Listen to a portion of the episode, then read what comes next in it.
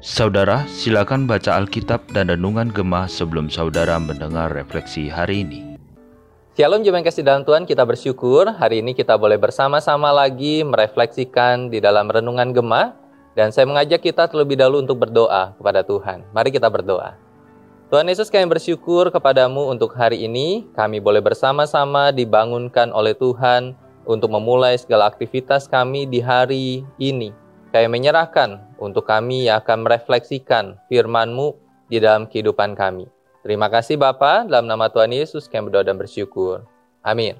Terima kasih dalam Tuhan kita hari ini akan merefleksikan dari renungan Gema yaitu jangan salah menilai kesuksesan yang terambil dari Mazmur 73. Dan saya akan baca untuk kita ayat yang pertama saja dan saya terus mendorong kita untuk membaca keseluruhan dari Mazmur 73 ini. Demikianlah firman Tuhan. Mazmur Asaf.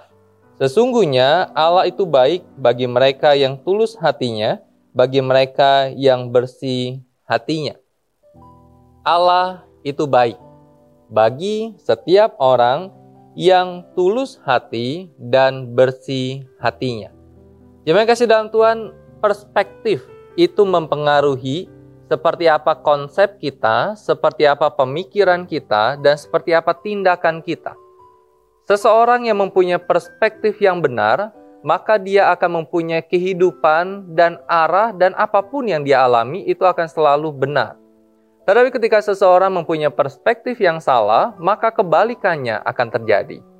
Ketika kita melihat akan hal ini, Asaf itu mempunyai perspektif tentang Tuhan. Lalu perspektif seperti apa yang dia punyai tentang Tuhan?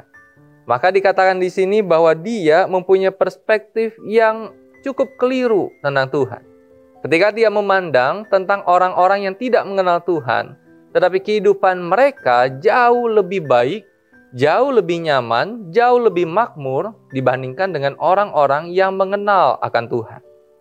Dan perspektif Asaf ini membuat dia mempertanyakan tentang kebaikan Allah, tentang pertolongan Tuhan terhadap umat-umat Tuhan.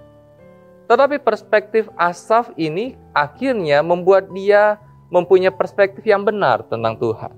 Yaitu ketika dikatakan ayat yang ke-16 sampai 19, di sana, tetapi ketika aku bermaksud untuk mengetahuinya, hal itu menjadi kesulitan di mataku, sampai aku masuk ke dalam tempat kudus Allah dan memperhatikan kesudahan mereka Sesungguhnya di tempat-tempat licin kau taruh mereka, kau jatuhkan mereka sehingga hancur. Betapa binasa mereka dalam sekejap mata, lenyap, habis oleh karena kedahsyatan. Itulah perspektif yang mengubah tentang pandangan Asaf tentang Allah, tentang pandangannya kepada orang-orang yang tidak mengenal Allah yang seakan-akan tidak ada masalah. Seakan-akan penuh dengan kegembiraan dalam hidup mereka. Tetapi Asaf melihat bahwa orang yang di luar Tuhan, maka hidup mereka pada akhirnya tidak seperti kebahagiaan dan keindahan yang dia lihat saat ini. Bapak yang kasih dalam Tuhan, ketika kita melihat akan hal ini, maka perspektif seperti apa yang kita punya, yang kita miliki tentang Allah. Perspektif apa yang kita punya tentang pertolongan Tuhan, tentang berkat daripada Tuhan. Kita sering kali ketika berjumpa dengan orang dan kemudian terpisah dengan mereka kita berkata, sampai jumpa ya, Tuhan Yesus memberkati. Dan ketika kita mendengar akan hal itu dan berkata seperti itu, maka Tuhan Yesus memberkati di dalam konsep apa yang kita punya.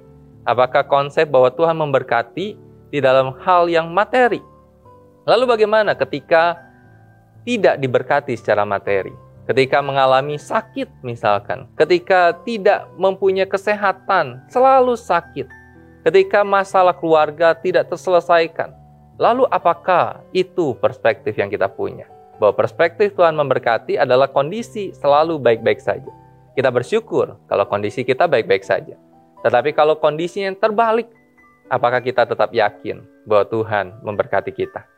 Karena itu biarlah kita punya perspektif yang benar seperti halnya Asaf, bahwa kondisi apa pun, baik atau tidak baik, mengembirakan atau menyedihkan, diberkati atau tidak diberkati, tetapi kita tahu bahwa Allah senantiasa menyertai kita dan itu lebih daripada cukup untuk kita.